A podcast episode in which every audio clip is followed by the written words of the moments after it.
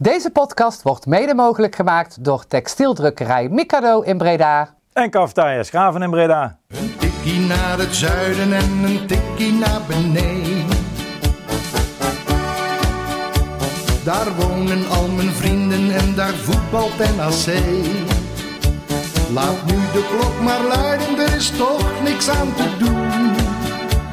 De B-side staat in vlammen en NAC wordt kampioen.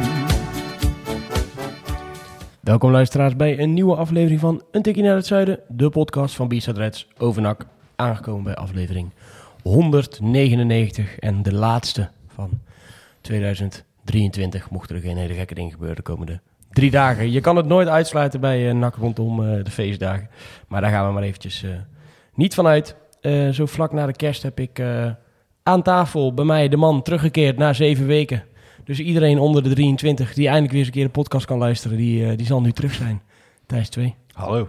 Hoe is het geweest, jongen? Je bent lang op reis geweest. Ja, ik vond het heel leuk. Ik was deze keer met mijn vriendin weg. Dat was de eerste keer dat we zo lang samen op reis gingen. Dat was toch wel leuk. Dat, heb je toch minder... dat, klonk, dat klinkt alsof je anders verwacht had. Uh. Nee, ja, is, ik ben vaker wel langer op reis geweest en dat Claire zeg maar Nederland bleef. Maar dan heb je toch wel iets meer uh, om te missen, zeg maar. Want als je met je vrienden bent, ja, je vrienden kun je prima een maandje of twee niet zien. Maar nu was het dan, uh, daarvoor was het bij mijn vriendin en dat is toch wel meer een gemis dan. Dus dat was wel heel leuk. En ja, ook gewoon Indonesië is wel heel vet. Het is eigenlijk heel lief, hè, wat hij hier zegt. Ja, dat is aardig, hè? Ja, dat is eigenlijk heel lief. Behalve dat je natuurlijk... Dit was precies lang genoeg hoe je ons kon missen. En, en de luisteraars natuurlijk. Ja, want dat is ook nog anders. Want normaal luister ik zeg maar nooit onze podcast als ik er zelf in zit. Maar nu kon ik hem dus luisteren. En ik, ik voelde wel het gemis van mij. Want jullie vroegen jezelf heel vaak dingen hardop af. Oh ja, wie speelt dan ook weer uit de strijd tegen Willem 2? En dacht ik, ja, dat, dat weet ik gewoon. Ja, dus dan weet ik toch wel dat ik gemist word. Ja. Dus ik ben er weer, geen zorgen. Nou, helemaal goed. Dan uh, zal het vast de kwaliteit uh, flink, uh, flink omhoog gaan.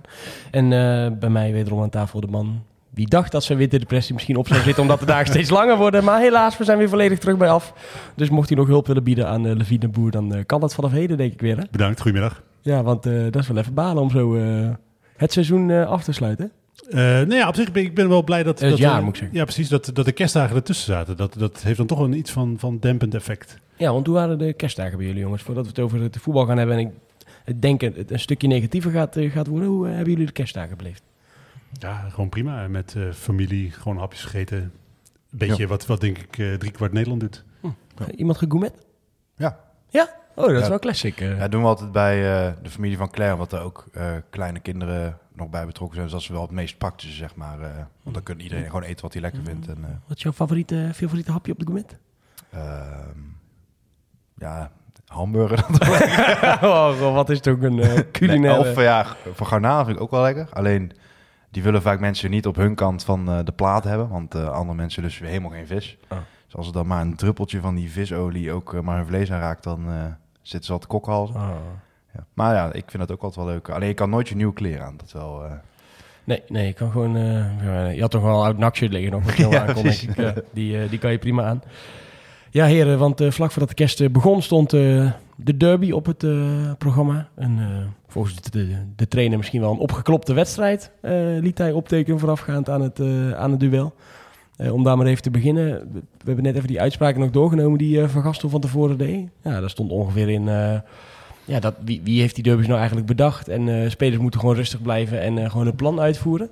hoe kijken jullie naar zo'n naar zo'n derby? Want de aanloop er naartoe was... Ja, vond ik de beelden die ik zag toch best wel tof vanuit, vanuit NAC. Nou, voor mij is het een gebrek aan historisch besef bij Van Gastel. Want het is natuurlijk zo als je door de historie kijkt, dat die derbies op en af zijn als het om fanatisme gaat. Maar ik heb recent nog artikelen opgezocht uit de jaren twintig, waar al over een verhitte strijd wordt gesproken en dergelijke. Dus ik vind het gebrek aan historisch besef als je deze wedstrijd niet belangrijk vindt. Ja, en het, het, lijkt mij juist ook... Kijk, dat je intern tegen spelers zegt van... Oké jongens, hè, we gaan niet in die eerste 10 minuten een rode kaart krijgen... of noem maar op, want we moeten die wedstrijd op een goede manier uitspelen.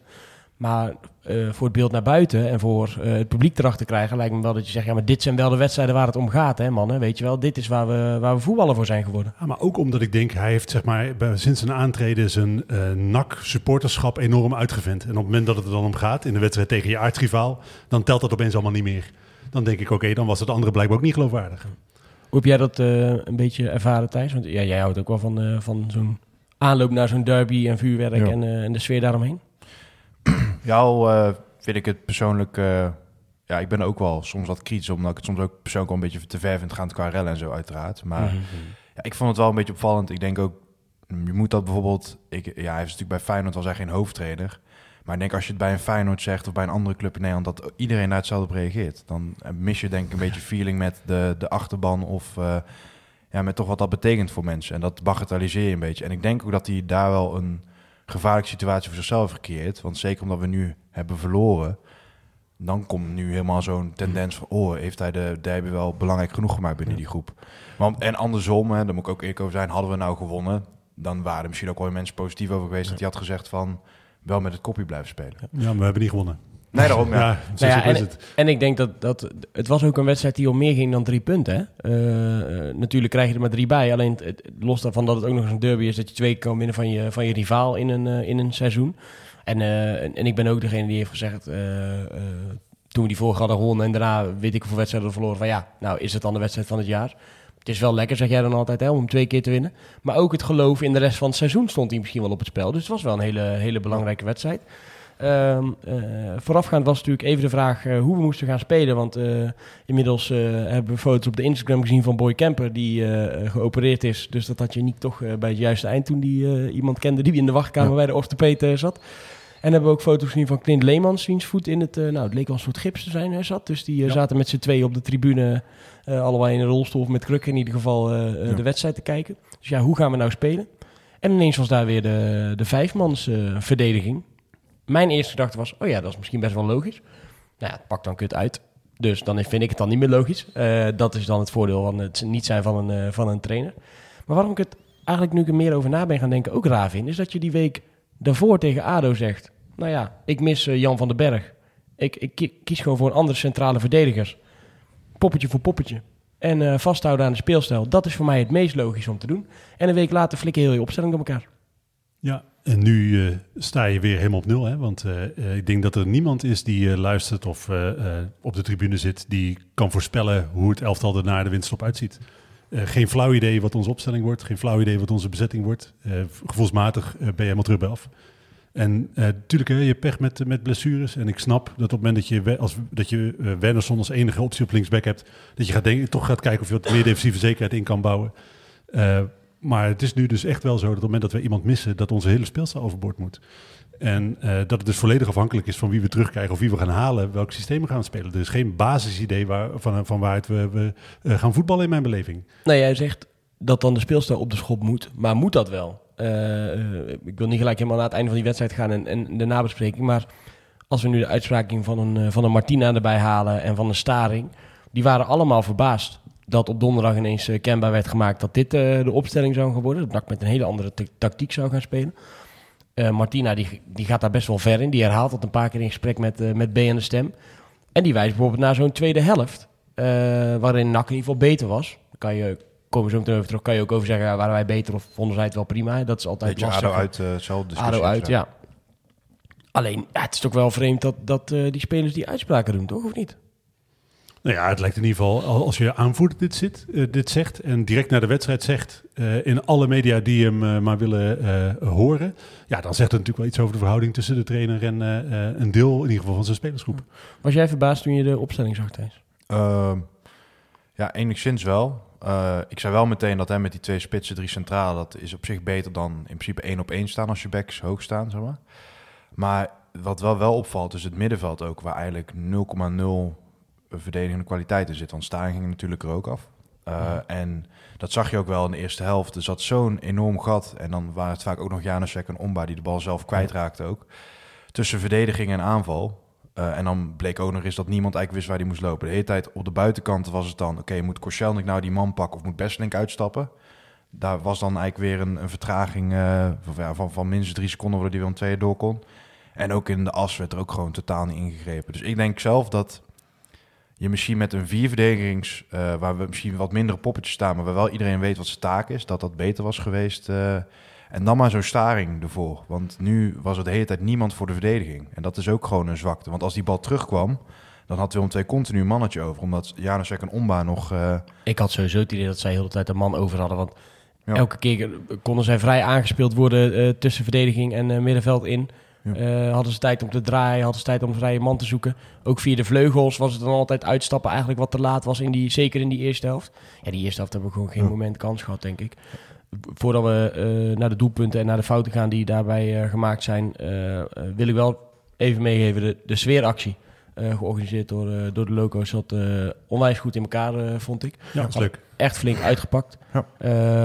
Ook keurig daarbij de oproep. Hè. Geen, neem geen knalvuurwerk en vuurwerk mee. Nou ja, dan zie je één of twee fakkeltjes. Nou, dat vind ik dan ook prima. Moet je niet moeilijk over doen. Nee, zeker niet. En het, het, het verliep, allemaal, verliep allemaal goed.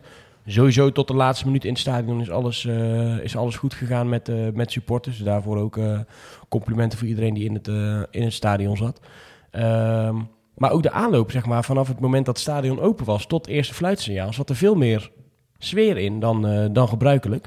Eh, totdat de box aangingen. Dat was wel even een eh, dingetje. Die gaan er best wel hard aan. Terwijl ja, het werd net een beetje gezongen. Dus dat was wel, was wel jammer. Maar in ieder geval daar wel de complimenten voor, voor de mannen van de Loco's. Die zo aan het einde van het jaar nog een mooie actie hebben, hebben opgezet. En hopelijk dat dat nog vaker mag gaan, gaan gebeuren. In die eerste helft. Nou ja, heel simpel. Eigenlijk twee individuele fouten en twee keer Hilteman. Dat is een korte samenvatting, ja. Ja, toch? Ja, nou prima. Hebben we Ja. dat ook gehad. Want eh, wat Besseling daar bij die 1-0 doet, ja, dat mag natuurlijk nooit gebeuren. Als jij eh, rechts achter in de hoek die bal weg kan werken en je, ja, je besluit om het richting, eigenlijk richting de midden... Dat is Ongba, hè? Nee, nee. Ongba die uitverdelen, toch? Nee, het is Besseling. Voor mij best link ook, ja. Nou, Ja. Die dat, oh, daar, goed. Ja, nee, was, eh, vol- ja, volgens mij was het echt Besseling hoor. Dus eh, we kunnen het nog, eh, we kunnen het nog even gaan opzoeken voordat we iemand eh, eh, gaan blamen. Maar eh, ehm, ja, laten we dan in- misschien eerst even naar die 2-0 gaan dan. Want eh, dan kunnen we die wat makkelijk bespreken. Eh, daar verliest eh Jano Stek eigenlijk de bal. Terwijl. Ja, Ongba. Oh, wel? Oh, Ja. mijn excuses aan Ron Wesseling dan. Ik dacht dat het Wesseling was, maar het was dus Ongba. Nou, blijft hetzelfde staan. Hele domme bal. Want die staat rechts achter in de hoek. Je, er wordt vol druk op jou gezet. En je hem, besluit hem eigenlijk diagonaal over de grond richting het midden van het veld te spelen. Maar dat ook, wie moet hem daar helpen? Dat is ook zo onduidelijk in deze opstelling. Want Koscielnik was Niemand. mee- meegetrokken naar het midden. Niemand hoeft hem daar te helpen. Hij moet die bal wegschieten. Ja, maar ik denk misschien dat hij dat ook wel probeerde, maar dat hij hem gewoon verkeerd raakte. Ja, maar hij had hem toch gewoon over de zijlijn moeten ook Ja. kunnen Ja, schieten. wel, Hij had dat hem- is. Dit was De echt bal van moet alle altijd opties de weg. allerslechtste. Alleen ja, het is wel gewoon weer... Willem II heeft zo'n makkelijk mannetje over overal. Dat vond, dat vond ik wel ook in die situatie weer. Ja. Ja, dan, maar dan hoef je er niet in de voet aan te Nee, nee, nee, dat zeker. Ehm, dus dat vond ik, eh, ja, en goed, ik weet niet wat er daarna nog gebeurt, maar daarna staan er ook nog, eh, oh, Besselink was, sorry, Besselink stond inderdaad in het eh 5 meter gebied. Ehm, samen met vier andere verdedigers en één Willem II speler, namelijk Hielteman, en die stond alsnog helemaal vrij. Er gaan er volgens mij twee naar de bal toe en twee besluiten niet naar Hielteman toe te lopen. En dan is het eh 1-0. Beetje uitdagen van Jerry. Ja, Moet goed. ook kunnen, toch? Snap ik snap dat. Ik Ja. had het zelf ook gedaan, denk ik. Ja. En het was ook niet op de Van Veen manier. Nee, en eh, ook keurig dat een paar van die ploeggenoten die eh halen hem dan langzaam weg. Nou, denk ik ook. Prima. Goed dat we Ja. niks hebben, niks hebben, niet, daar niet op hebben gereageerd. Vervolgens die, eh, die 2-0. Eh Janosek verliest eigenlijk de bal op het moment dat we vol in de aanval zijn. Met een ongelukkige kapbeweging. En, Ah, hij, staat gewoon te, hij staat gewoon te prutsen. Hij heeft, ja. geen, hij heeft geen mogelijkheden om, om iets te creëren of af te spelen. Gaat er een beetje kappen en draaien. Speelt gewoon op een on- ongelukkig moment de bal. Omschakeling. Bukila krijgt de bal. Die steekt vervolgens het halve veld over. Janosek die denkt... Oh, ik denk dat we de bal weer terug hebben. Oh nee, toch niet. Die is naar zijn man kwijt. Krijgt het niet meer dichtgelopen. Bal op de paal. Goede ingreep nog van, eh van Besseling. Die daar eh, Ja. met man en macht die, eh, die 2-0 probeert te voorkomen. Het ook nog lukt. Maar ja, dan eh belandt hij zo voor de voetjes van, eh Ja, maar van hoe- die, die hele situatie van, van het moment dat, dat Janasek de bal verliest tot het moment dat hij in het net ligt, is zo debiel slecht verdedigd Ja. aan alle kanten. Ja. Het lijkt het helemaal nergens op wat Nee. je daar doet. Want inderdaad, Bokila is volgens mij inmiddels 73. Die kan op zijn eh, gemak het veld Wel oversteken. verlengd weer, hè? Dus hij blijft ook Ja. in zijn 74 Ja, nee, voetballen. Daar had Martina ook wel harder kunnen ingrijpen. Werd er op, op de gezegd. Maar iedereen toch? Ja. Niemand Nou, grijpt in. Wat er dus ook nog gebeurt, eh, dat ze het ook in de avond ziet een beetje, maar het moment dat Bokila de 16 loopt, loopt Omba, die dit, deze keer wel terug was, die eh, schopt hem nog eigenlijk op zijn kuit. Oh. Maar omdat Bokila dus redelijk sterk in schoenen staat, valt Omba zelf. Maar het had dus ook gewoon daar al een penalty kunnen zijn, zeg maar. Ja, ja, ja. Maar dat, daar probeerde Omba in ieder geval nog Iets van in te grijpen. Maar Martina bleef er zo lang naast lopen dat het uiteindelijk eh, tot in de 16 kwam. Zeg maar. Ja. Daarom ja, ik denk in de, in de F's kan dat soms prima werken als je gewoon letterlijk een mannetje van voorin pakt en achterin bij de verdediger zet. Dan weer een extra poppetje, zeg maar. Maar ik denk echt dat het voor dit niveau echt simpel gedacht is. Want niemand wist wat hij moest doen. Ik vind dat echt eh, op een hele, ja, Ik heb weet natuurlijk niet de gedachte erachter, hè, maar het is op zich raar, want je hebt toch onder, in de eerste wedstrijd onder Verras heb je er ook gewoon met vijf verdedigers gespeeld. Het is niet zo dat, je iets speelt waar je dit seizoen nog helemaal niet gedaan hebt. Ja, maar toen vond ik dat Kemper eigenlijk best wel als een zes speelde met enige regelmaat. Dus Kemper stond echt voor de verdediging. Die goal van Cambuur die die maakte, zeg maar, die verovert hij zelf als instappende verdediger. En als je nu kijkt bij de goals van Willem 2, lopen drie man gewoon naast elkaar achteruit, zeg maar. Er staat niemand voor. Ik, weet, ik zag niet dat als daar een Staring nog voor had gestaan, dat het dan wel eh, helemaal was opgelost. Want dat, dat is soms in verdedigend ook niet... eh, Wat ik, wat ik direct naar de wedstrijd dacht, als je dan gewoon met vet gestart was, dan had je toch in balbezit altijd iemand meer gehad op het middenveld. En bij- het verdedigen had hij toch meer terug kunnen zakken. Dat was veel Ja. logischer geweest. Ja, en dan op papier was dat dus eh, toen Van Gastelbron ook vijf verdedigers. Maar ik vond dat Kemper toen wel aantoonbaar naar voren stapte regelmatig. Waardoor je toch weer meer een... Ja, dat had dan ook met een vet gekund. Maar ja, vorige week zeiden we nog, ja, moet je, eh, was er een verschil geweest als vet had gespeeld tegen Nee, als je zonder controleur speelt, is het wel Ja, handig als je iemand hebt die dat kan. Nou ja, toen speelde ze popje popje natuurlijk toen. Ja, dat is een andere, andere rol. Ehm, nou, we kregen nog één kopbal vlak voor rust, maar eh, Goeie redding wel. ja, kon de keeper ook pakken. Dus eh, was... eh, Was inderdaad volgens mij de 46e minuut onze eerste schot Ja, ja. tussen de palen. Eén van de twee. Ja. Dus eh, Ja. ja. ja, wat een treurnis. Eh vervolgens wordt er in de rust eh, gewisseld. Eh, zet hij het inderdaad om. Eh Staring kwam erin en Kuijen... Nee, eh Lucassen. Koscielnik ging naar de kant. Is dat... Was zou die geblesseerd zijn geweest? Ik heb dat uiteindelijk vond niet zo goed. voor zijn doen was hij niet heel goed, nee. Uiteindelijk ja, krijg je dan wel wat meer grip op die wedstrijd. Maar dan rijst altijd een beetje de vraag... Vond Willem II nou wel prima en die konden lekker counteren? Of ehm, ja, waren wij dan beter in die twee? Nee, ik denk dat, dat eh, Willem II goed vond. Zijn geen moment serieus een probleem geweest. Hè. Voor de wedstrijd wist je al, ze hebben eh, nauwelijks tegen goals geïncasseerd eh, dit seizoen. Volgens mij hadden ze er 17 eh, voordat ze tegen NAC begonnen. Dus defensief staat het wel aardig bij ze. En ze hebben, dat bleek ook de hele wedstrijd. Ze hebben ge- geen moment, heb ik het idee gehad, dat zij in de stress raakten van wat NAC eh, aanvallend probeerde. Eh, ook in de tweede helft, ja goed, dan ontstaan er vanzelf natuurlijk iets meer mogelijkheden. Omdat je aanzet, maar Ja, je had jezelf... het gevoel gehad dat we die wedstrijd nog om zouden draaien. Ongba Wernersson had al een hele grote dienst kunnen bewijzen een minuut na rust. Want daar verliest uh, Hielteman de bal bij, bij Willem II. En in die omschakeling doet Wernersson echt alles goed. Ja. Die, eh, die verovert die bal volgens mij, die eh, versnelt naar voren. Die, die gaat twee keer een 2-1 aan. Boeren doet dat ook goed. Ja, Boeren doet dat ook goed. Eh Omba krijgt de bal. En eigenlijk op het moment dat ik denk hij gaat spelen, kapt hij nog een keer naar zijn andere voet. En eh, wordt zijn schot, eh, schot geblokt. Terwijl als ik die, oh, ik heb het beeldje voor beeldje zitten bekijken, volgens mij kan die hem geven hoor op Wernersson. Maar dan denkt hij, ja, ik ga het toch eh, zelf doen. Ja, en daar denk ik dan, hè, het is eh, A, KKD. Eh, twee, het is een jonge speler die nog steeds eh, maar een wedstrijd of 25, 26 eh eh, profvoetbal de benen heeft. Mhm. Ik hoop dat dit met de jaren erbij hem uitgaat. Want, eh, maar op dit moment vind ik ook niet... Je kan hem daar heel hard op afrekenen. Oh, nee, maar, maar het moet niet van hem komen, denk Nee. ik. Nee, maar hij moet nee, nee, maar dat mag je nog wel benoemen. Dat Nee, hij tuurlijk. moet- hij moet hij, hem doet, hij doet het niet goed. Maar ik denk, ja, het is een, toch een veredelde jeugdspeler op dit Ja. moment nog. Dit is blijkbaar zijn niveau. Ja, en uiteindelijk krijg je dan nog Marijnissen die een, die een doelpunt, eh, doelpunt maakt omdat hij er fel op zit. De enige waar ik dan tijdens heel die wedstrijd in ieder geval nog van denk, die weet in ieder geval wat dit betekent, wat er hier, eh, wat er hier speelt. Want ook op het moment dat eh, die bal die gaat erin, nou neemt die bal natuurlijk gelijk mee terug. We proberen dan nog wat in die, in die resterende minuten, krijg je niet echt meer eh, grote mogelijkheden. Ik vind dat altijd heel frustrerend. Dat je Ja. dan zo'n eindfase ziet waarin opeens van alles mogelijk is. Waar opeens wel gas gegeven wordt. Terwijl de rest van de wedstrijd heb je, Ja. denk ik, naar walking voetbal gekeken. Ja. Ja, dan, kom, en dan kom ik thuis en dan... oh, maar het was toch maar 2-1? Ik denk, ja, maar ja, we, we hebben letterlijk... Het was gewoon een kansloze wedstrijd. Ja, Dan kan je 2-1 verliezen, maar het is wel een kansloze pot. Maar ook na aflopen, hè, op het moment het laatste fluitsignaal... eh, nou, dan gaat de keeper even tof doen. Die krijgt dan wel 25 bier in zijn nek. Dat vond ik dan wel weer terecht. Je hoeft achteraf niet stof te doen. Dan mag je wel een bier gooien, vind ik.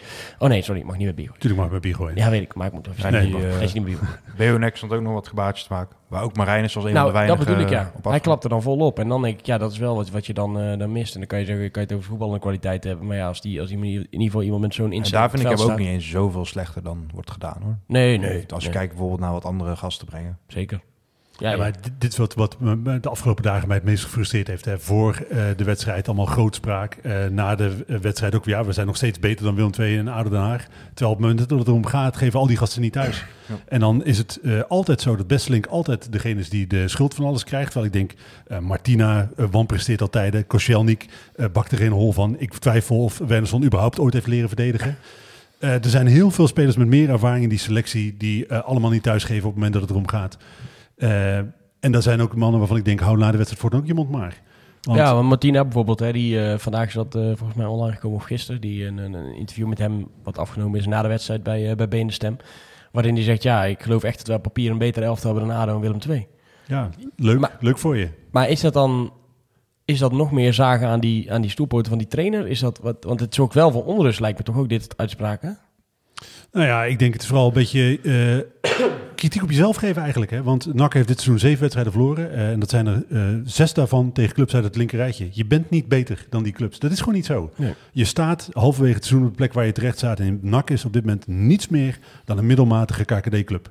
Eh, in alle opzichten. Want we hebben een elftal wat niet goed genoeg is. We hebben een leiding waar ik steeds meer twijfels krijg over hun capaciteiten. Nogmaals, ik vind niet dat je buiten moet fikken. Ik vind dat ze eigenlijk eens leiderschap moeten tonen. Maar we zijn in niets een club die klaar is voor promotie. Het eh, lijkt helemaal nergens op. En eh, ja, die gasten, ja goed, ze kunnen zichzelf zo goed vinden als ze willen. Maar zolang ze niet in prestaties koppelen, interesseert het me niet wat ze vinden.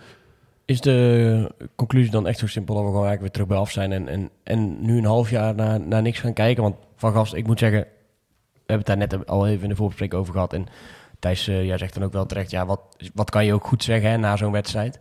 Maar als ik dan zo'n trainer hoor zeggen, ja, eh, die, die gasten, eh, ik snap het eigenlijk niet hoe die goals tegenkrijgen. En, en ik snap niet waarom we niet eh, doen wat we moeten doen. En daarnaast ook nog eens zeggen, ja, nou ja, het is nu hopen, hopen dat we de play-offs halen en that's it. Ja, dan schiet bij mij wel een beetje de vlekken in mijn nek. Want één, denk ik, jij bent verantwoordelijk voor het overdragen van het spelbeeld wat je hebt op je spelers. En als je dan elke keer als het tegen zit of als je een eerste helft slecht speelt, 2-0 achter staat of 3-0, en, of in ieder geval twee doelpunten verschil. Eh, en de tweede helft gaat het beter en je zegt dan elke keer, ja, maar de tweede helft gaat wel goed. Denk, ja, maar jij bent toch degene die die spelwijze over moet brengen. Jij bent degene die tegen die gasten moet zeggen wat ze moeten doen. En als jij al dan al heel zo'n helft ziet dat het niet gaat, ja, misschien moet je dan wat omzetten. Misschien moet je dan een keer wat anders gaan proberen. Ja, maar dat hebben we al, eh, dit hebben we natuurlijk al direct na zijn aanstelling gezegd. Niemand weet wat zijn eh, spelopvatting überhaupt is. Eh, hij heeft nooit uitgelegd wat zijn spelidee is. NAC heeft nooit uitgelegd wat voor voetbal we gaan spelen onder hem. Niemand weet wat zijn spelidee is. En eerlijk, als we straks eh, na de winststop eh, opnieuw beginnen... ik heb Cambuur, Emmen. in werkelijk waar geen enkele linie het idee wat de beste opstelling is. Ook zelfs in het doel niet. Ik, ik weet het gewoon niet. Je, kan, je hebt geen flauw idee of wij nou met vier of vijf verdedigers moeten spelen. Met wat voor bezetting op het middenveld we moeten spelen. Of we voor je met twee of drie moeten spelen. Er is niets, gewoon helemaal niks duidelijk. Ja, in de verdediging durf ik nog wel aan. Dat is, daar is wel, denk ik, gewoon je beste, op, je beste opstelling. Koscielnik, Martina, Van den Berg. En dan een, een back die je moet gaan halen. Maar daar komen we zo meteen wel even op terug. Maar dan, dat is, dat is wel voor mij een linie die, die gewoon staat. Daar hoef je weinig aan te verschuiven. Want dat blijkt ook wel elke keer naar die omzetting. En elke keer als je wel wedstrijden goed voetbalt, is dat gewoon met vier achterop. En eh, dat je gewoon duidelijk weet wat er, eh, wat er speelt. Wat jij net noemde bij Omba, je noemde hem een veredeld jeugdspeler. eh, waar we meer geduld moeten hebben. Ik weet niet of dat bij trainer en technisch directeur kan, maar in principe zijn dat ook gewoon... Ja, veredeld jeugdspelers kun je het niet direct noemen, maar Van Gastel was een succesvolle assistenttrainer onder Van Bronckhorst. Is volgens mij een halfjaartje in China, of ja, weet ik Mhm, veel. mhm. Eh, maar dat is net als dat je zegt dat Vinnie Vermeer in Bolivia heeft gevoetbald. Dat betekent niet dat je dan ineens... eh Ecuador. Ecuador, ja. En Bolivia volgens mij ook. Ik weet niet of hij het minuut heeft gemaakt, maar eh dat kunnen we zo fact checken. En dan heb je Peter Maas, denk ik een getalenteerde hoofdscout... die bij Heerenveen echt wel het paaltje heeft uitgevist... maar natuurlijk ook nog helemaal niet ervaring heeft als technisch directeur. Zijn het ook niet dan mensen die je ja, meer tijd geven? Zo gaat het natuurlijk niet bij een profclub. Maar ik denk wel dat je er zo naar kan kijken van... verwachten wij niet op dit moment te veel van mensen... die nog niet bewezen zijn in de posities die ze vervullen? Nee, we, Ja, maar en is dat dan niet fout gegaan met de aanstelling? Want je wil natuurlijk nu wel heel wij, veel. verwacht, wij verwachten denk ik veel, omdat die verwachtingen gecreëerd zijn ook eh, maar door, daarom, maar- door de mensen zelf. Dus ik denk dat je dan misschien ook wel andere mensen moet aanstellen met alle respect. Want ik, ik best wel persoonlijk nog wel vertrouwen in Peter Maas. Omdat ik denk, ik vind deze space die hij heeft gehaald echt niet verkeerd. Alleen als je dan kijkt naar het grotere plaatje, hoe die spelers in een bepaalde cohesie Mhm. bij elkaar passen. Dat is tot nu toe wel onvoldoende. En dat is typisch voor een scout, denk ik. Een scout kan best wel goede spelers vinden. Maar hoe het nu bij elkaar is, ook met een trainer erbij waarvan we niet echt weten wat nou de bedoeling is. Dat is wel misschien de kwaliteit die, die op dit moment nog mist als technisch directeur. Ja, de spelers zijn echt niet slecht, dat geloof ik echt niet. Ik denk echt dat een Kemper, dat is echt een prima versterking van de berg. Er zitten echt wel goede spelers bij, alleen er zit totaal geen cohesie in. Of dat nou ligt aan de trainer die erbij wordt gezet of aan de mix. Maar Ja, maar kijk heel even naar wat Peter Maas tot op heden gedaan heeft. Hè. Hij heeft eh Hiballa aangesteld. Eh, die heeft hij verlengd eh buiten geflikkerd. Hij heeft een diametraal andere trainer daarna aangetrokken. En, je kan zeggen, hè, wat, wat, je, wat je zegt denk ik klopt, dat hij een prima scout is. Maar voor welk type voetbal heeft hij in hemel, hemelsnaam deze selectie samengesteld? Ja, dat is niet duidelijk. Dat weet helemaal niemand. En ik denk, ik wil hem prima vertrouwen geven. Ik wil hem prima de tijd geven. Maar dan wordt het wel tijd dat hij eindelijk eens een keer uitlegt wat het idee is. Hij heeft, behalve dat lullige interviewtje met die Sansveria bij eh, Alex, niets, eh, maar dan ook helemaal niets verteld tot op heden. Ik vraag me af of die überhaupt nog voor NAC werkt. ik zei, nee maar, anders dan in een paar regels bij een eh, pre- presentatie van een speler hoor je hem nooit. Eh, er is niemand die op dit moment uitlegt wat het voetbalidee met, met NAC is. Ook want ik vind, wij moeten straks spelers gaan halen in de winststop. Maar omdat ik geen idee heb voor, voor wat voor voetbal we spelers moeten halen, heb ik geen idee wat voor spelers we moeten halen. Eh, gaan wij eh, op de voet verder met, als we nu ingeslagen zijn met, met Van Gastel, met dus defensief voetbal? Of gaan we heel ander voetbal spelen? Ik ben op zich wel, ik ben het echt wel met jouw punt eens van, nou ja, als, het kan gewoon zijn dat er in zo'n project of in zo'n traject meer tijd nodig is. En, en dat je dingen tegenkomt of dat er uitdagingen op je pad komen die blijkbaar groter zijn dan je, dan je denkt dat ze waren. Maar ja, we hebben wel gewoon eh twee na hoogste spelersbudget, denk ik. Of twee na of derde hoogste spelersbudget van die, van die KKD. Eh, we zitten al heel lang in die KKD. Het, het laatste een beetje officieel wat ons in ieder geval gemeld is. Nou ja, nou ja, het laatste officiële was, we gaan er alles aan doen om te strijden voor promotie. Ehm, maar daarvoor was het, ja, we willen binnen, binnen twee jaar terug zijn op het hoogste niveau.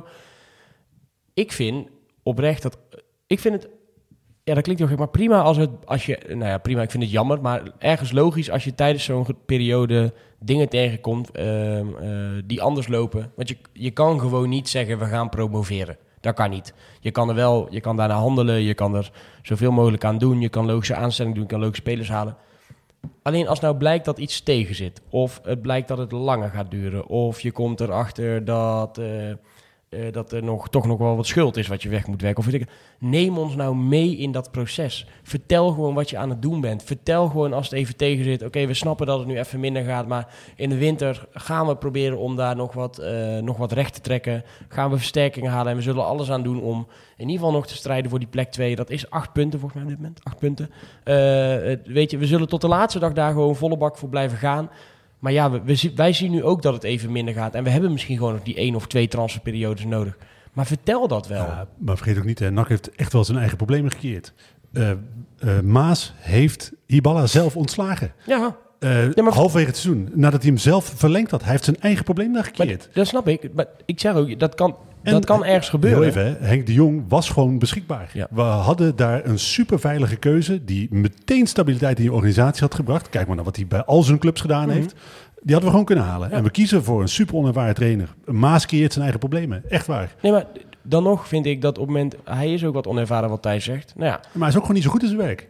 nee, om, ja, of hij maakt... Nee, hij dan maakt kun je dus in ieder geval, vind ik... Kunnen wij, wat ik kan beoordelen, vind ik soms foute keuzes. Ja. Nee, maar heel even. Hè. De, de, de, soms foute keuzes. De, die hele episode met, met Ja, dat- was nee. eigenlijk, werkelijk ik- waar ik- ik- falen van de bovenste plank. Dat weet ik. Ik ben het met jou eens dat dat, dat, dat fout was. Ik zeg alleen, het is wel een, een, een onervaren TD dan in ieder geval.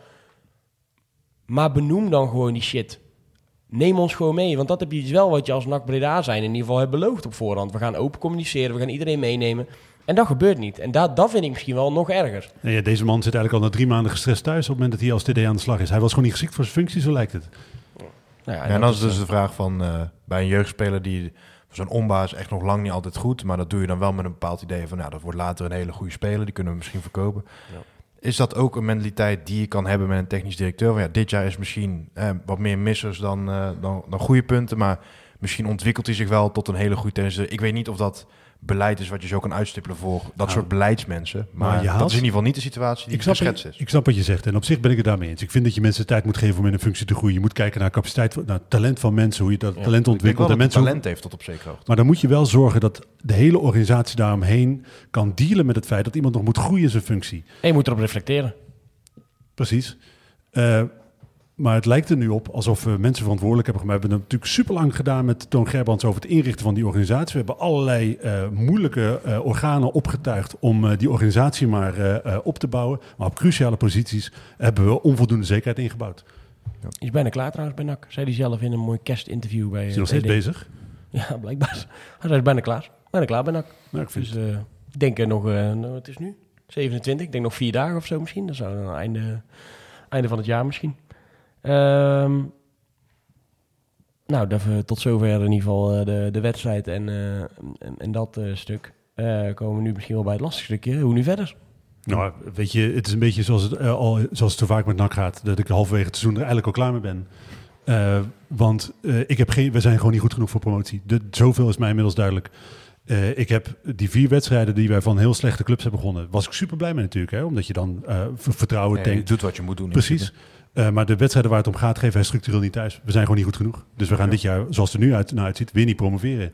En dat is iets waar ik eh, eh, maar heel, heel moeilijk genoegen mee neem. Ik wil daar eigenlijk helemaal geen genoegen mee nemen. Ik ben daar super kwaad over. Maar en, en, en ben je kwaad omdat het nu al niet lijkt te lukken? Of omdat, waar- waar, waar, zit, waar zit vooral de woede? Waar ik vooral kwaad over ben, is dat we, er werd ons van allerlei nieuwe, nieuw elan beloofd, een nieuwe richting. We, gaan, we doen het voor jullie, we gaan het allemaal samen doen. Is Breda, weet ik veel wat. Eh, en uiteindelijk is het gewoon oude wijn in nieuwe zakken.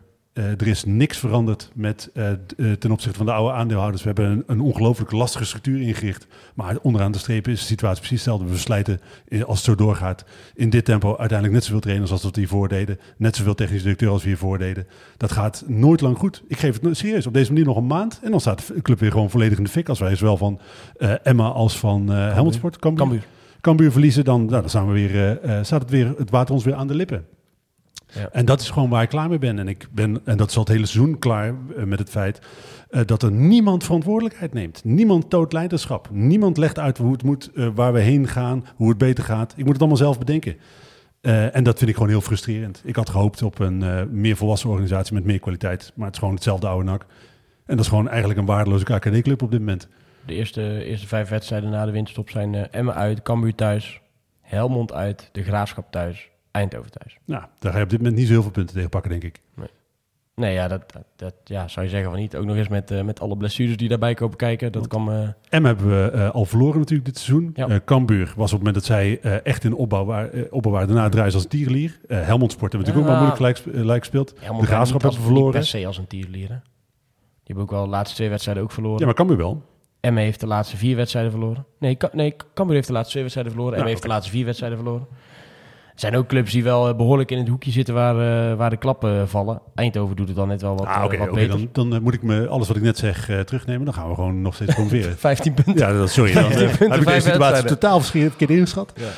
Nee, maar het zijn wel het zijn de clubs die allemaal, denk ik, een beetje in hetzelfde schuitje zitten als waar wij nu eh, zitten. De Graafschap doet het wel wat beter. Die, eh, die staan vierde, maar ook maar ja, hoe gek dat ook klinkt, twee punten. Misschien vijf punten boven ons, want die mogen nog een wedstrijd, wedstrijd inhalen.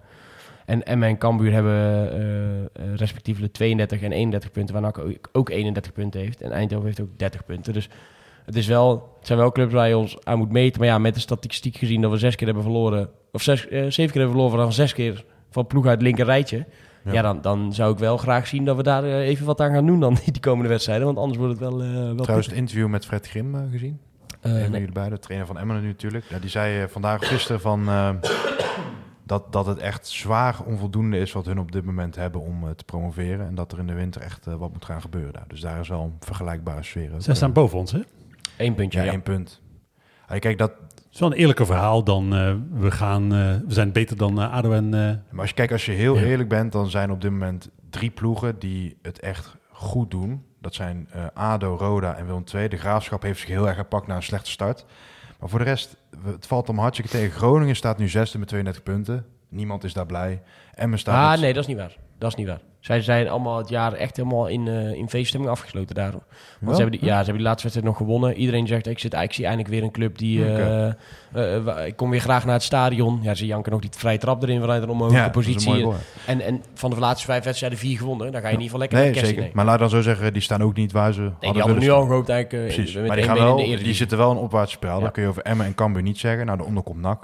En daartussen staan dan bijvoorbeeld nog eh, FC Dordrecht. Hey, knap hè? Dat is gewoon, dat wij lachten, moesten daar aan het begin van het seizoen ook om lachen. Toen eh Ibala blijkbaar eh, een, iets had laten ontlokken voor de clubwebsite van Dordrecht.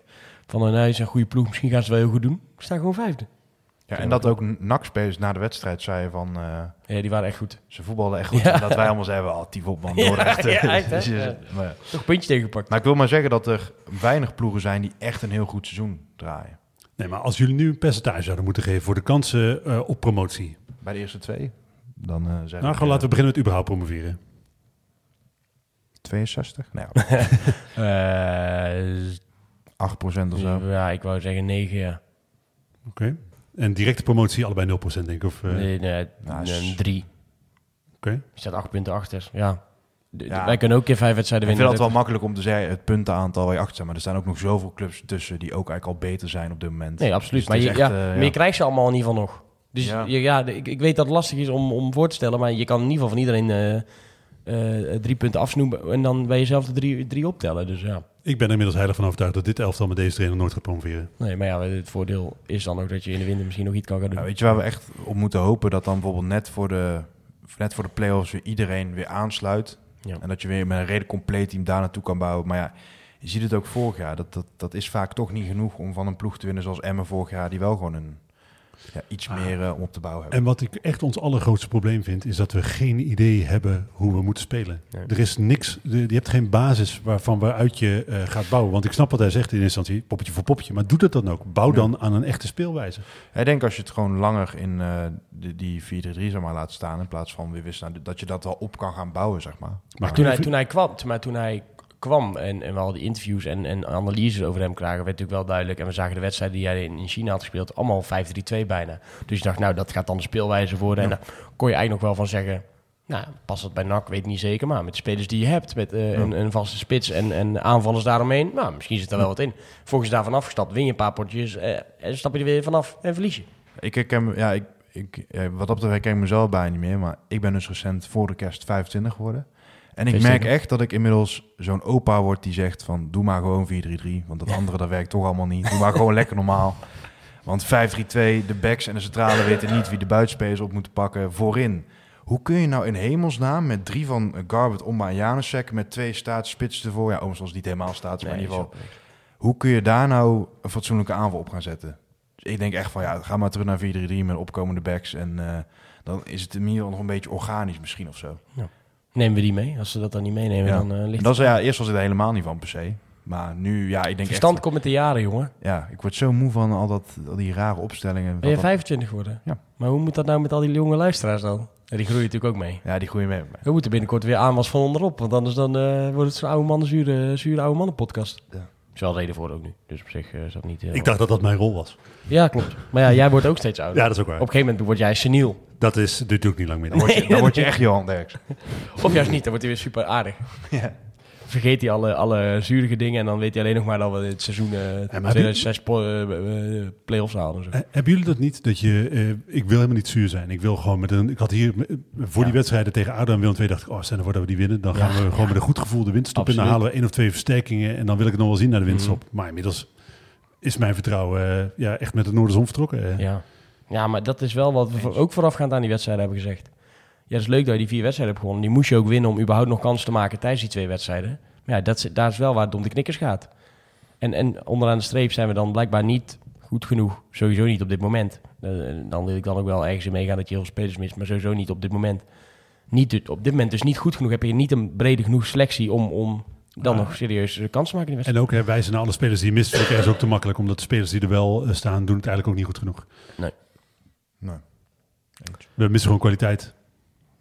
En dat is best wel zuur, want we hebben er hartstikke veel geld tegenaan gegooid. Ja, ja. En de vraag is een beetje wat er, nog, eh, wat er dan nog kan in de winter. Eh, de mannen zijn nu volgens mij een paar dagen vrij en vertrekken dan op eh 2 januari of 1 januari richting eh, Sevilla voor het trainingskamp. Wie daar in ieder geval ook niet bij is, is Xavier Vet. Uh, moet nog even benoemen, is net eh, naar buiten gekomen. Ja. Eh, geblesseerd geraakt tijdens het treffen met Willem II. Heeft een ongelukkige landing gemaakt. Heeft daar iets kapot gemaakt in zijn knie. Kon de wedstrijd nog wel uitspelen, maar achteraf bleek eh, zodanig eh, zwaar geblesseerd dat hij geopereerd moet worden en eh, einde seizoen. Maar kon dat dan, is de vraag. Hm? Als je, ze, het lijkt me toch niet dat als je een seizoensbeëindigde blessure... dat je dan wel de wedstrijd uit kan spelen.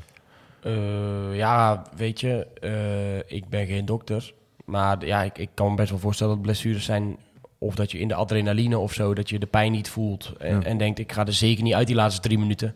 En dan achteraf blijkt dat je een knie hebt die... eh, Ja. Laten we een opro- oproep doen. Wellicht zit er een, een kniedokter eh, onder onze luisteraars. Ja. Als er nou iemand is die veel verstand van het menselijk lichaam heeft... Ja. en hoe je dat dus kan slopen... eh, Ja. wat, hoe, hoe je met dit soort blessures om kan gaan... meld je dan alsjeblieft naar deze podcast. Want ik ben er zelf ook wel benieuwd. Omdat ik inmiddels niet meer snap hoe het kan dat wij zoveel blessures hebben. Het is al wel eens eerder geopperd door iemand, ik weet niet meer precies wie. Maar in het eerste seizoen van, eh van Wrexham, welke te Wrexham, werd toen Mhm. gezegd tegen die aandeelhouders van... ja, wel financieel tegenvallig, want we hebben een expert naar het gas laten kijken en het is eh, niet goed of zo, te diep ingezuid, weet ik wat. Waardoor het, de kans Oh, op blessures is heel groot was. En ik zit nu echt te denken van, zou dat ook niet op Sunnet kunnen of zo? Dat het veld in Sunnet gewoon extreem slecht is voor je knieën. Want oprecht, het, het, het, het is nu wel echt heel bond aan het Ik worden. zie nu met- bij de... de- Naast de- kniedokters graag ook grasdokters. Ja. Dus eh, iedereen die dokter is en verstand van gras en knieën heeft, meld je alsjeblieft. elfde, elfde knieblessure in eh, anderhalf jaar tijd voor, eh voor. Ja, dat stond. Dus- dus- het ja. Er, de, ergens moet je dan ook denken, dit kan toch niet alleen maar pech zijn. En Martina die zegt ook eh, in dat, hetzelfde interview als waar hij die uitspraken doet over de trainer, zegt hij ja, als je kijkt wie wij allemaal missen en hoe lang die spelers dan geblesseerd zijn, moet dat ook wel een belletje doorrinkelen bij de mensen die daarover gaat. Dat is ook wat hij gewoon eh, openlijk Ja. daar, eh, daar zegt. We hebben toch iemand buiten geflikkerd en dat was toch de schuld van alles?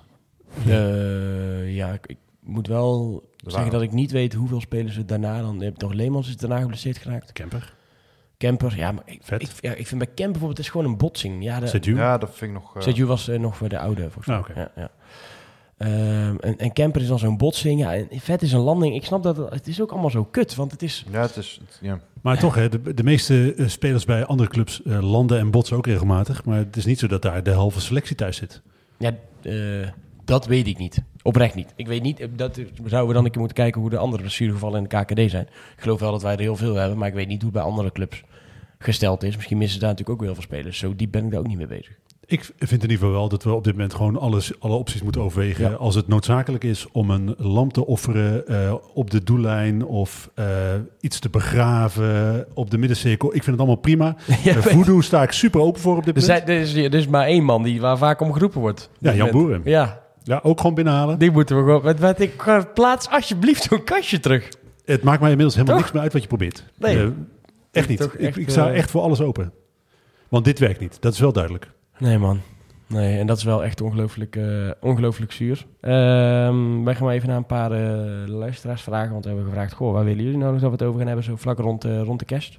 En veel mensen thuis zo te zien. Want we hebben veel reacties gekregen. Maar heel even, zwarte magie, dat zou op zich voor jullie op, zich- op Prima, man. Ja, Ja? zeker. Ja, ja, ja. ja maar moeten we dan zelf iemand aanwijzen om te offeren? Of wat is de... Nee, we moeten gewoon even kijken wat er mogelijk is.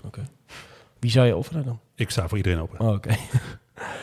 Eh, ik ga even langs een paar, eh, langs een paar vragen van de, van de luisteraars. Ehm, deze vond ik misschien wel grappig. De leukste wax eh, is weer wat anders dan eh klagen over het elftal. Dus de leukste, leukste voetbalvrouw van, van spelers. Dan gaan we wel even in de Instagram, Instagram duiken. Ja, precies, puur voor het onderzoek, toch? Ja, Ja. zeker. ja. En Raymond Ro- Roebos, ik hoop dat ik het goed uitspreek, die zegt nog hoe en waar de complete stand van teams op papier te vinden is. die kon, die kon ik, ook wel, kon ik ook wel waarderen. Nou ja, vet hebben we natuurlijk, hebben we natuurlijk behandeld.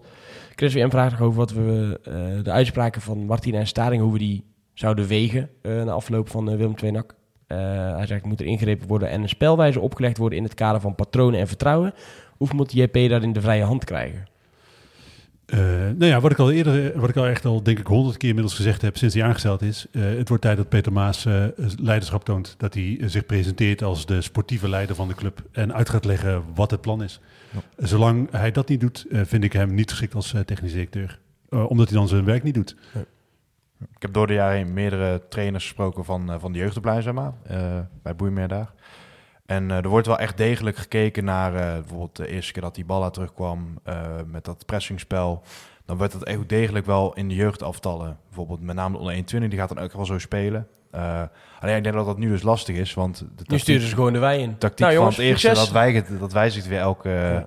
Dus dat is op dit moment lastig. Maar ik, ik weet wel dat daar Club Breed, in ieder geval onder Erik Hellemons, wel, eh, wel... Dat dat echt wel werd gedaan. Alleen ja, dat is nu dus lastig, want er zijn veel wijzigingen geweest. Ik ben sindsdien ook niet meer daar geweest, dus weet ik niet precies.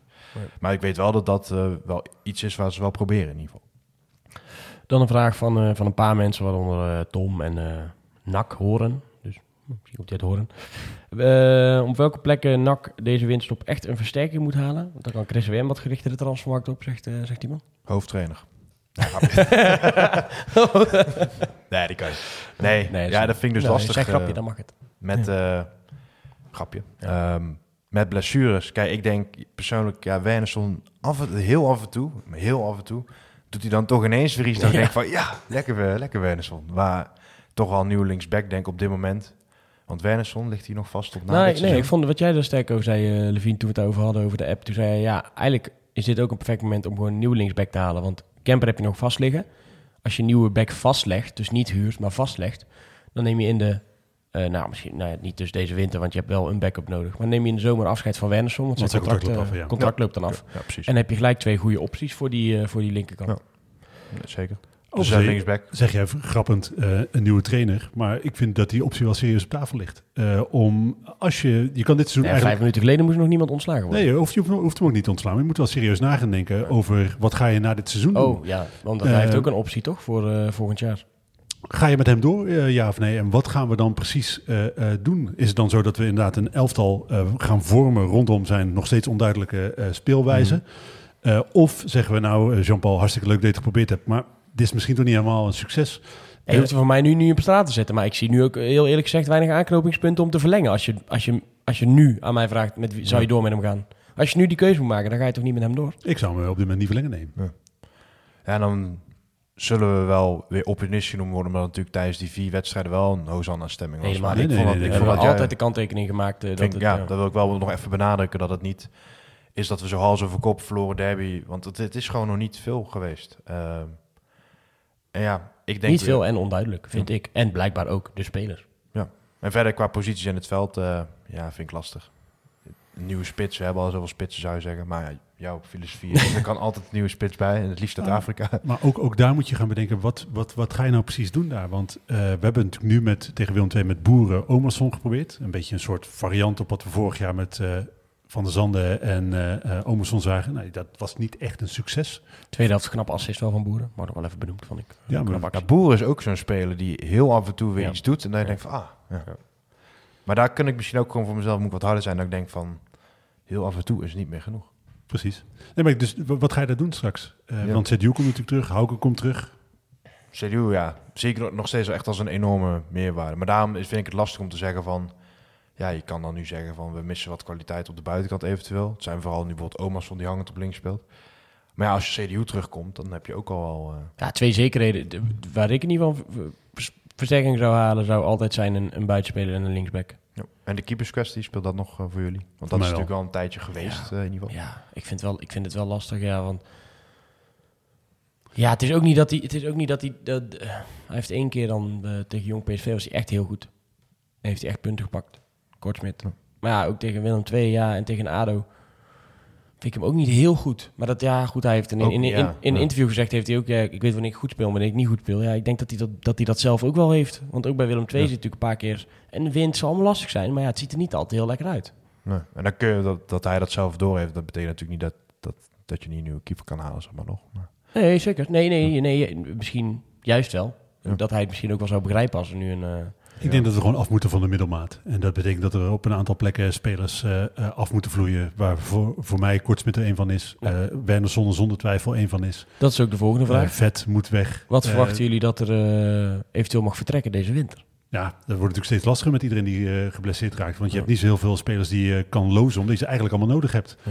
Ja. Maar de kwaliteit die we op de bank hebben zitten, is natuurlijk niet voldoende om alsnog na de winterstop die push naar de eerste of tweede plaats te maken. zeker met Of al daar die niet van de buurt. Nee, Ja, eh, wie weg maar ik denk uh, Kajet denk ik wel. Die zit vaker bij het tweede dan bij het eerste. En eh, ja, voor de rest, ja, je zou kunnen zeggen bijvoorbeeld een Werner, maar ja, nu heb je dus Kemper geblesseerd. Ja. Maar ja, En, zou ik hem eh, zeker erbij houden. Ja, je hebt nog een half jaar contract. Ja, ik denk dat het op dit moment wel te dun is om misschien echt mensen weg te doen. eh. maar als je gaat kijken naar gewoon, hè, als we het, het elftal gewoon doorlopen en kijken naar de kwaliteit. Nou, dan beginnen we in de, in de goal. Dan hebben eh, zowel Troost als Kortsmit mij dit seizoen niet overtuigd. Eh, van Laren is volgens mij afgeschreven. Hetzelfde geldt voor Van der Merbel. Eh, dan heb je in de verdediging Kortsmit en Troost kunnen overigens wel blijven als tweede en de doelman. Als je, Ja. als je een keeper wil halen. Eh, nou ja, Van den Berg is een aanwinst gebleken. Kemper is een aanwinst gebleken. Wernersson is niet goed genoeg. Uh, Koscielnik ben ik nog niet helemaal over, overtuigd. Ja, die moet maar gewoon weer misschien een keer gaan vissen ergens of zo. Even tot rust komen en dan... Martina lijkt het beste vanaf. Nou ja, Besselink, nog, nogmaals, ik denk dat hij over een paar jaar bij Roma speelt. Maar Ja. heel eerlijk, je, is ook niet goed genoeg. Lucas is ook niet goed genoeg. Nou heb je Van der Veld, Mol en De Wijs. Dat is ook allemaal jongens die... je jeugd, meteen- ja. Nou, dan heb je Janusek op middenveld. Die zou ik eh, eh, wel houden. Ja. Leemans is goed genoeg. Staring vind ik Maar eh, ook geblesseerd. twijfelgeval. Vet vind ik Maar niet goed Staring zou ik wel houden. Garbert, we rendeert tegen geen enkel systeem ik wat, wat heeft. eh, eh, Van Gastel bedenkt. Agogiel denkt dat het inmiddels ook wel tijd is voor hem om, een, om veel te gaan spelen. En dat gaat niet meer nak gebeuren. Er staat hier nou, bij VI Zedu op middenveld, die zou ik wel houden. Ja, die kan je er niet zoveel van zeggen. Van Schuppen Geen idee of hij ooit nog op niveau komt. Voorin heb je Boeren, niet goed genoeg. Kuipers, niet goed genoeg. Hauge vond ik, vind, vind ik voor een huurspeler te weinig impact maken. Ga je nooit een miljoen voor betalen, want dat is die niet waard. Eh Ongba is de enige die goed genoeg is. Uh, Marijnsen niet goed genoeg, Kjet niet goed genoeg. Omerson Ja. dan wel en Richet, daar houdt het op. Dus er zitten al met al nog, heb je, kom je op zes of zeven spelers uit... waarvan ik vind dat die niveau voor dit voor promotie hebben. Nou, dat is wel heel mager. Dus daar moet er, eh, moet er nog wat bij. Eh, ook een vraag eh, die Chris daarbij stelt. eh, Overigens, hè, ja. ik, ik reed nu allerlei spelers in mijn eentje. Zeg ik dingen waarvan ik het helemaal niet mee eens ben? eh, Ik vind persoonlijk Koscielnik wel goed. Goed Ja, genoeg voor promotie. Ehm, ja, sluit Thomas Marijnis ook niet uit, hè. vind ik een leuk speler. Gewoon wat het daar echt... Die snapt een beetje... En ja, ik vind ook altijd bij dat soort gasten... Dat is wel vaker geweest bij NAC, maar er worden dan spelers afgeschreven... en dan wat er voor terugkomt, dat lijkt dan heel wat... maar onderaan de streep kun je misschien ook wel wat langer doorgaan met, met, met dat soort jongens. Waarom zou zo'n Marijnissen uit Breda, zeg maar, niet gewoon voor drie seizoenen lang je reserve buitenspeler kunnen zijn? Waarom moeten dan weer, zeg maar, ja, bijvoorbeeld een Roy Kuipers, in wie ik op zich nog wel wat potentie zie, maar kan je het? kan je het bijvoorbeeld, ja. Nee, denk ik niet. Ja, Haugen. Ik denk dat hij echt nog wel wat kan toevoegen. Boeren denk ik ook, maar die laat het dus maar, nou ja, niet eens de helft van de wedstrijden zien. Dus Maar dat is wat ik, wat ik, wat ik net zei over mezelf ook. Van, misschien moet ik ook wat harder zijn. Gewoon zeggen van ja, af en toe iets laten zien is, niet misschien niet goed genoeg, eh, zeg maar. Want bijvoorbeeld Wernersson, die scoorde vorig jaar een wereldgoal met zijn zakkenbeen tegen Roda. Ja. Waar ik ondertussen zeker van weet dat het geheel per ongeluk was. Maar ja, dan... Hoe, hoe weet je dat? dat is wel, Nou, omdat wat ik hem de laatste tijd Ah, doen, eh, met rechts ook nog. Oké, oké, oké. Dus kijk, de, ja, misschien moet- moeten we daar ook iets harder in worden van... eh, het is allemaal leuk en aardig, maar we willen wel echt een bepaalde kant op met die club. En dat Ja, is op dit moment te weinig. Daarom zeg ik, het is gewoon, de hele organisatie straalt op dit moment Ja. middelmaat uit. Zo'n Garbet, je ziet echt wel dat, dat er wat in zit, maar doet eigenlijk ook 9 van de 10 keer alles fout wat hij fout kan doen. Eh, kerstfeest. Of, eh, ja, nou, dat is een heel mooi bruggetje. Gaat eh Karel Vrolijk de flappetap eh, trekken? Wordt ook nog gevraagd. Ik weet niet zo heel goed wat het eh, resterende budget eh, is, überhaupt. Hè? Wat, wat we over hebben van het budget wat we aan het begin van het seizoen eh, voor de selectie eh, bedacht hadden. Eh, als daar geen geld over is, zou ik het erg appreciëren. Als daar eh, vanuit externe bronnen geld bij komt. Maar ik vind niet dat je eh, dat per se eh, af kan dwingen. Dus het hangt af van of eh, Karel daar zelf zin in heeft. Of hij eh, de portemonnee op tafel legt. Ik denk dat het nodig is. Maar ik vind eh, dat NAC eigenlijk zijn eigen geld moet creëren. Ja. Ik ben het daar eh, eigenlijk wel mee eens. Ehm, er is al behoorlijk wat geld ook wel ingepompt aan de voorkant van dit seizoen. Dus maar heel even, als, als jullie de staatsloterij winnen, eh oudejaarsloterij, ik ga geen cent aan NAC geven op deze manier. ah, ik zou misschien wel eh, dan een jaar shirt sponsor willen worden.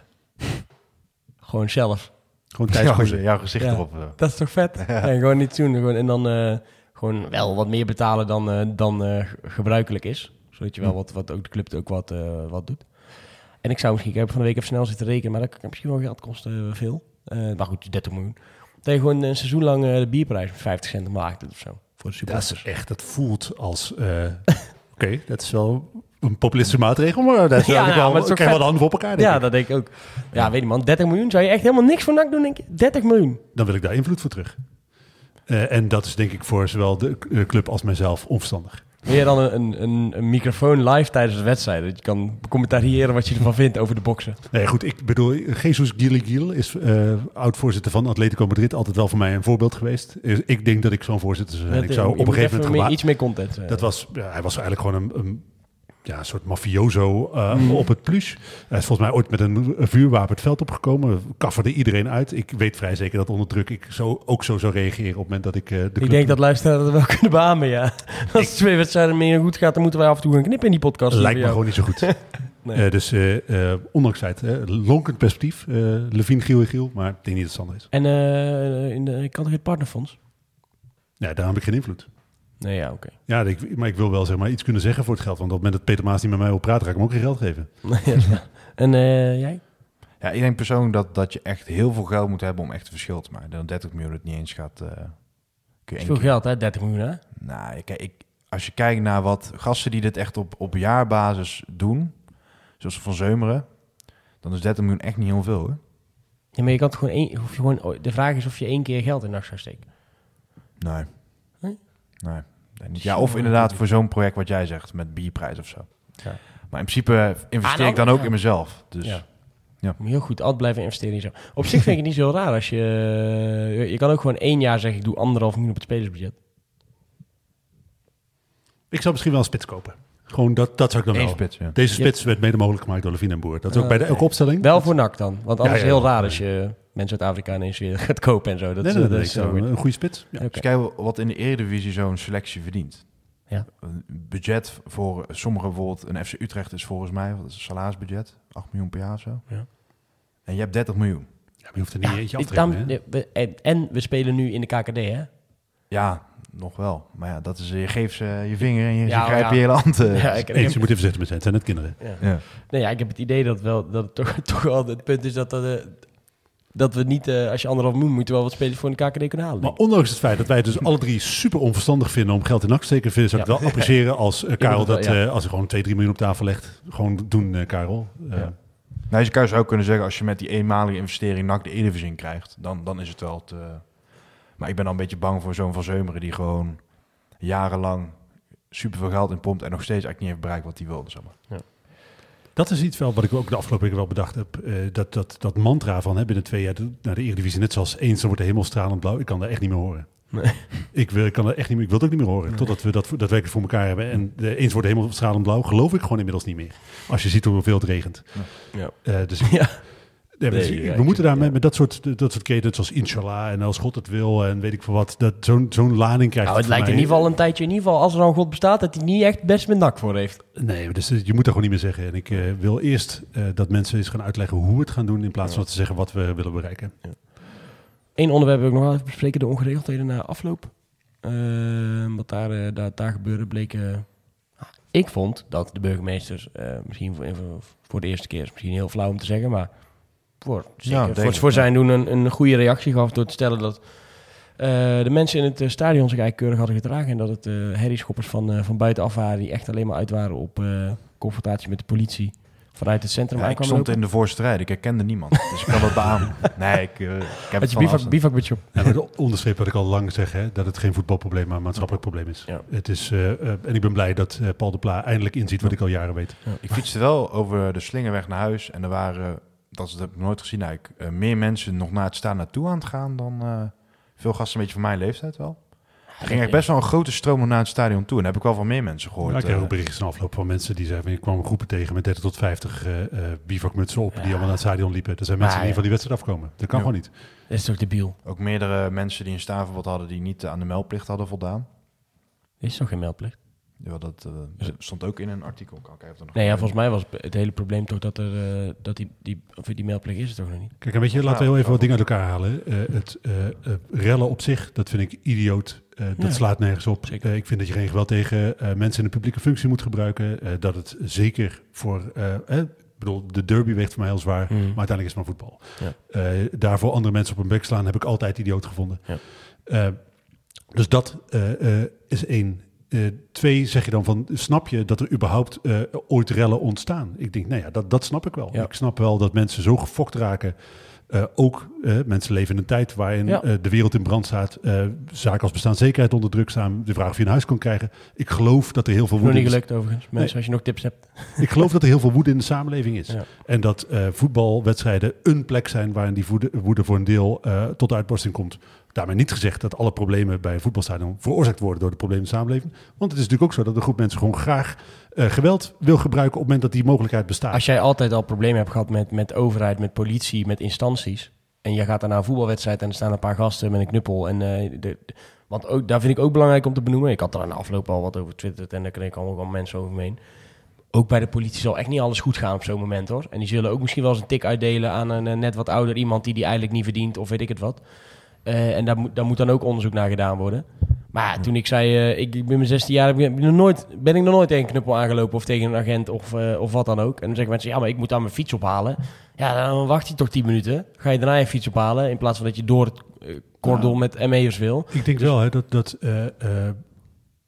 de politie een escalerend effect kan hebben. Maar Op het moment 100%, dat je, nee, eh, 100%. Dus ik geloof ook, ik, daarom vind ik het ook belangrijk om die kant wel te benoemen. Dat ik niet hier alleen maar als, eh als Ja. politievoorwoordvoerder dit zit te doen. Alleen, Ja, dat, dat, dat er dan zo'n grote groep vanuit zo'n binnenstad... eh, uit naam van NAC dan daar nog even onrust gaat, eh, gaat lopen stoken. Ja, dat is natuurlijk dat is gewoon debiel. En dan, dat, dan, daarin vond ik de reactie van de burgemeester in deze dan wel goed. En ja, ik hoop dat daar gewoon heel hard tegen opgetreden wordt... en dat daar iets aan gedaan kan worden. Zodat je... Je ziet het dus, een hele derby lang... waar, een, eh, waar de spanning eh, erop staat... waar een eh, speler die we allemaal haten... eh, gekscherend, zeg maar dan, die we allemaal haten, twee keer scoort en nog zelfs wat provocerende gebaren maakt, gaat het goed. We hebben een toffe sfeeractie van tevoren gehad. We verliezen, maar er gaat alsnog niks, eh, niks fout. Ja, zo kan het dus ook. En dan loopt het daarna uit, uit de hand. En dan hoor ik mensen zeggen, ja, dan moet je, zie je, moet zonder de supporters gewoon spelen. Dan denk ik, ja, zo werkt het natuurlijk niet. Je moet wel de, de, de fouten benoemen die fout zijn. En, en dat dingen goed gaan, wat de burgemeester dus wel goed deed deze keer. Ook, ook de credits geven als het dan een keer goed gaat. Ik herhaal hier wat ik al eerder gezegd heb. Je moet hier met een integrale blik naar kijken. En Ja. niet naar eh, het enige moment waarop het eh, tot uiting komt bij een voetbalwedstrijd. Je moet de hele Eh, problematiek eh, in oogschouw nemen. Wil je hier tot een oplossing komen? Ik vond trouwens wel nog schitterend ook dat eh, een klein stukje proza op de website van de politie. Die hadden op een gegeven moment een stukje over de Willem II supporters. En die hadden ze langer in het uitvak gehouden. Omdat het niet veilig was buiten het stadion. En omdat ze de supporters langer in het stadion hadden gehouden, was er brand gestookt, gestookt in het toilet. Dat is toch twee dingen die helemaal niks met elkaar te maken hebben, toch? Nou ja, ook Het is niet zo toch als je drie kwart, ja, drie kwart eh, uur zeg maar, eh, nog binnen moet blijven omdat het niet veilig is, dat het dan oké is dat je de toilet in de fik steekt. Nee, maar het is wel zo. Op het moment dat je mensen als beesten behandelt, gaan zich als beesten gedragen. Eh, op het moment dat je mensen opsluit, op het moment dat je mensen eh, onder allerlei voorwaarden in als eh soort wat- veevervoer naar wedstrijden brengt, dan, Ja, dan wat moet je dan doen op zo'n moment? Want we hebben ook, er zijn ook heel vaak zijn ze vrijgelaten. Gewoon vuur openen, gewoon iedereen neermaaien. Dat is een Oh, ja. optie. Nee, dat natuurlijk is, niet. nee, maar ik bedoel, het is toch nu vind ik het was ook eigenlijk bij goed dat ze MVV, dan toch? ook eh, was brandstichting, veel- veel heftiger, ja, ja. ja. Maar nu vind ik eigenlijk eh, dat ze het een keer goed doen en die spelers wat, wat langer vasthouden. Of de, de sporters wat langer vasthouden. Want, was- want ja. normaal gesproken staan ze altijd, zeggen ze altijd, ja, ze staan al bij het hek. eh Wij weten hoe dat, ja, hoe dat gaat. is ook nooit, ja, kan het ook nooit goed Bij, bij NAC was het ook, eh werd ook langer vastgehouden. Stond ook met een paar man op dat hek te beuken. Ja. Ja, ja. Er gingen gewoon heel veel dingen mis na afloop. Want ik denk, ik kwam bij de hoek van de B-side en eh, de hoofdtribune en daar waren de hekken dicht. Eh, en daar zeiden mensen, ik kom hier al 50 jaar. Dat, dat, dat gaat niet, want het staat, het is- staat pas sinds 1969. Maar ik snap wat je bedoelt. Ja. Maar gewoon mensen, je raakt dan, je ziet dat mensen heel snel eh, opgefokt raken op het moment dat ze eh, letterlijk voor dichte deuren staan. Dat ze tegengehouden worden. Ik denk dat het is altijd een combinatie van factoren waarbij niet alleen de, de, de schuld, de schuld ligt niet bij de organisatie alleen, maar ook niet alleen bij de eh, supporters. Gaan wij nog even het eh, jaar afsluiten met wat eh ex-NAC nieuws. Eh, om maar te beginnen met eh, Ralf Seuntjes. Die is terug in Nederland. En eh, als zijn medische keuring helemaal oké gaat, dan eh tekent hij contract bij eh, de Graafschap tot het einde van het seizoen. Superleuk voor hem. Ik vind het eh, leuk dat hij eh, eh, weer echt profvoetballer is. Want het derde niveau in Japan is natuurlijk een, een be- beleving van heb ik jou daar. Dat is fantastisch om mee te maken. Maar de eerste divisie voelt toch meer als echt voetbal. Eh alsnog een serieuze, serieus einde van je profcarrière. Dus ik vind het superleuk voor hem. Graafschap, mooie club. Had je verwacht nog thuis dat hij zo'n club zou vinden? Ehm, ja, ik, ik zie dit altijd wel meer voor me gezien dan echt op Os of zo. Want dat speelt natuurlijk eerst een beetje. Ik vind dit wel iets waardiger eh, voor zo'n speler. Als je natuurlijk ook wel begonnen bij dat soort clubs. Maar ja ik, ehm, ja, ik vind het wel heel mooi voor hem. En ik denk wel dat de graafschap goed is om benadrukken dat ze zeggen van ja, het is meer een mentor, een pinchitter. Ehm dus ja, ik denk wel dat dat het mooi is voor hem. Ik vind dat een mooi. Ja, ik zou dat persoonlijk, stel ik zou zelf eh, Ralf zijn, leuker vinden om dan nog zeg maar ehm, om promotie mee te doen. Dan misschien niet als baan spelen, maar dan zeg maar bij Top Os uh, afsluiten. Zo. Heeft daar natuurlijk ook al, uh, al gespeeld. Toch wel enigszins dan opvallende keuze. Want hij zei natuurlijk nu, uh, hij is wel een beetje met onrust vertrokken. Hè, omdat hij toen bij NAC, uh, bij NAC tekende. Dus uh, maar hij zegt, ik heb hem heel even gesproken. Hij zegt, nou in ieder geval supergoed gevoel bij, uh, bij iedereen daar intern ook. En hele fijne gesprekken gehad. Dus uh, nou ja, mooie kans toch? Om, uh, ja, Pinch heeft een mooie rol. Hè? Hij ja. kan op die manier wellicht uh, echt iets bijdragen aan die promotie. Ja. ik hoop dat het niet lukt. Ja. Uh, want ja. dat is een van de plekken die 1 wij niet... niet... 1 en 2 kan ja, ja, precies. Nee, en uh, ik ben daar natuurlijk emotioneel bij betrokken. Maar daarom ga ik er ook wel wat van zeggen. En dan zie ik reacties op de website. Ja, maar wat voor gevoel heeft hij nou eigenlijk bij NAC? En uh, heel die familie. En wat, wat, maakt het nou uit? En wel, de andere helft zegt wel, ja, wij stom van NAC dat ze hem niet halen. Ik denk, jeetje man, die man heeft zoveel meegemaakt. Die kan ook gewoon je kan ook gewoon soms over dat soort dingen heen stappen. En als iemand ja. zo'n geschiedenis heeft en toch nog terugkeert op het hoogste niveau, gewoon ook zeggen: Nou, wat fijn voor die jongen. Gefeliciteerd, fijne kerst. Ja. En we zien je 2 februari volgens mij in, uh, of 9 februari in Breda. Ja. Jordi Buis eh, kon hij niet aan de slag bij NAC. Of in ieder geval, die had zichzelf aangeboden. Maar eh, vonden ze te oud. Ze wilden liever een jongere spelers. Zeg maar. Ja. Dus ik denk sowieso niet dat, dat ze dan Ralf wel hadden gehaald. Zeg maar. Ehm, dus ik, ja, ik, ik denk dat... Ja, ik zag het niet voor me. Ik had het graag gezien. Gewoon ik hem dat gun. Ik Mm. vind het leuk. Ik had hem zelf liever als pinchitter gehad... dan dat hij bij de Graafschap als pinchitter eh zit. Ja. Maar nee, NAC had hem nooit gehaald, denk ik. Dus ik denk niet dat je daar op die manier naar hoeft te kijken van... oh, waarom komt hij nou? Nee, eh, denk ik ook niet hoor. Nee. Ja. Van Hooydonk en Bologna, die doen het echt onwijs, eh, onwijs goed. Hè? Staan volgens mij derde op dit moment zelfs in de, in de Serie A. Eh, Laatste wat ik heb gezien in ieder geval. Ehm, en hij maakt ook eh, steeds meer minuten. is wel eh, knap van die ploeg. Hoe ze dat daar eigenlijk... eh Vierde staan ze. vierde ook, sorry. Hoe Ze dat, heel eventjes derde. Maar toen de ronde voorbij was het niet meer.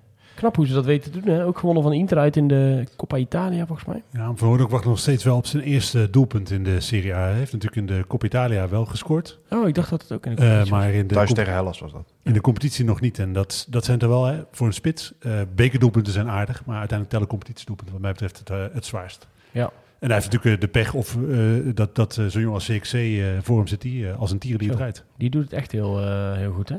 Ja. Dit eh, kan ik heb- eens, Ik heb niet het idee op het moment dat zij, want hij volgens mij moet hij 40 miljoen opleveren. Als ze hem verkopen, dat ze dan meteen eh, van Hooydonk eerste spits gaan maken. Dat Nee. lijkt me heel erg onwaarschijnlijk. Lijkt me ook niet. Tegen Inter speelde hij wel gewoon eh, 85 minuten mee. Dat was tot nu toe zijn eh, meeste minuten in één wedstrijd. Dus dat is wel... eh, Oh, in de beker? Ja. Ja, zeker. Ja. Ja. dus eh, ja, wel gewoon een, eh, een prima ploeg ook hoor, die ze hebben daar. Nee, leuk om, eh, leuk om te zien. Zo Bij in Italië heb ik wel het idee dat dat, eh, dat, dat meer rouleert. Het ene jaar is Atalanta die dan echt goed zijn. Dan, eh bij Nederland is dat toch iets... Ja, nu is het trouw- inmiddels begint dat bij ons ook wel een beetje te komen. Bij eh, Beerschot ontstaat inmiddels een aardige ex-NAC-enclave. Want eh, daar is ook eh, Mike van Bijnen eh, gecontracteerd. Ja. Die natuurlijk een van de meest bijzondere carrières eh, nu al heeft eh, van, eh, eh, van ex-NAC-spelers. Eh, en daar zitten nu ook nog verder Chagro. Chagro. die, natuurlijk, die Ja. natuurlijk hersteld is van een zware blessure. En Kosia die nu een zware blessure heeft. Ja. En nu ook eh, Mike van Bijnen. Ja, het verhaal is inmiddels bekend. Hè, hoe hij eh, heeft gestruind over de voetbalvelden. En uiteindelijk zelfs Barcelona B eh, in het kielsoog van eh Frenkie de Jong. Frenkie de Jong mee mocht. Eh, ja, dat, dat, Ah, het wordt voor hem tijd dat hij eh, structureel minuten gaat maken. Want hij is inmiddels eh, 24. Heeft volgens mij alleen een seizoen bij Den Bosch eh, redelijk wat gespeeld. Maar voor de rest eigenlijk overal maar mondjesmaat eh, eh, minuten gemaakt. En ik denk eh tweede niveau in België, een goed niveau. eh blijkt bijvoorbeeld ook Luc Marijnissen. eh, doet het daar hartstikke goed. Ja. Ik denk een prima niveau om eh, je carrière eindelijk op gang te helpen. En ze staan ook gewoon eh, tweede plek. Achter uh, Marijnissen denk ik of niet?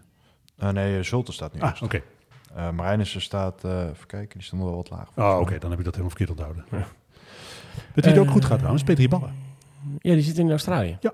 die heeft naar zin naar, hè? Volgens mij een beetje cursus aan het geven of zo, Ja. zag ik. Met koalas aan het knuffelen. Zag er hartstikke tevreden uit. Ja. Dus eh, ik denk eh, als ontslagen coach eh, wordt natuurlijk nog steeds wel opgevoerd als eh, ex-coach van allerlei clubs. Ik denk, Ja. nou, dat is mooi op zich. Je cv ziet er aardig uit. Ja, ja. Niet te verder induiken, want het heeft over Ja. allemaal kort geduurd. Dan is dit Ja. veel relaxter. Ja. Beetje clinics geven. Ja, ik denk dat het dit prima ligt. Volgens mij schuift hij bij allemaal trainingscursussen aan en podcasts. En, eh, en eh, nou, nu lekker in Australië.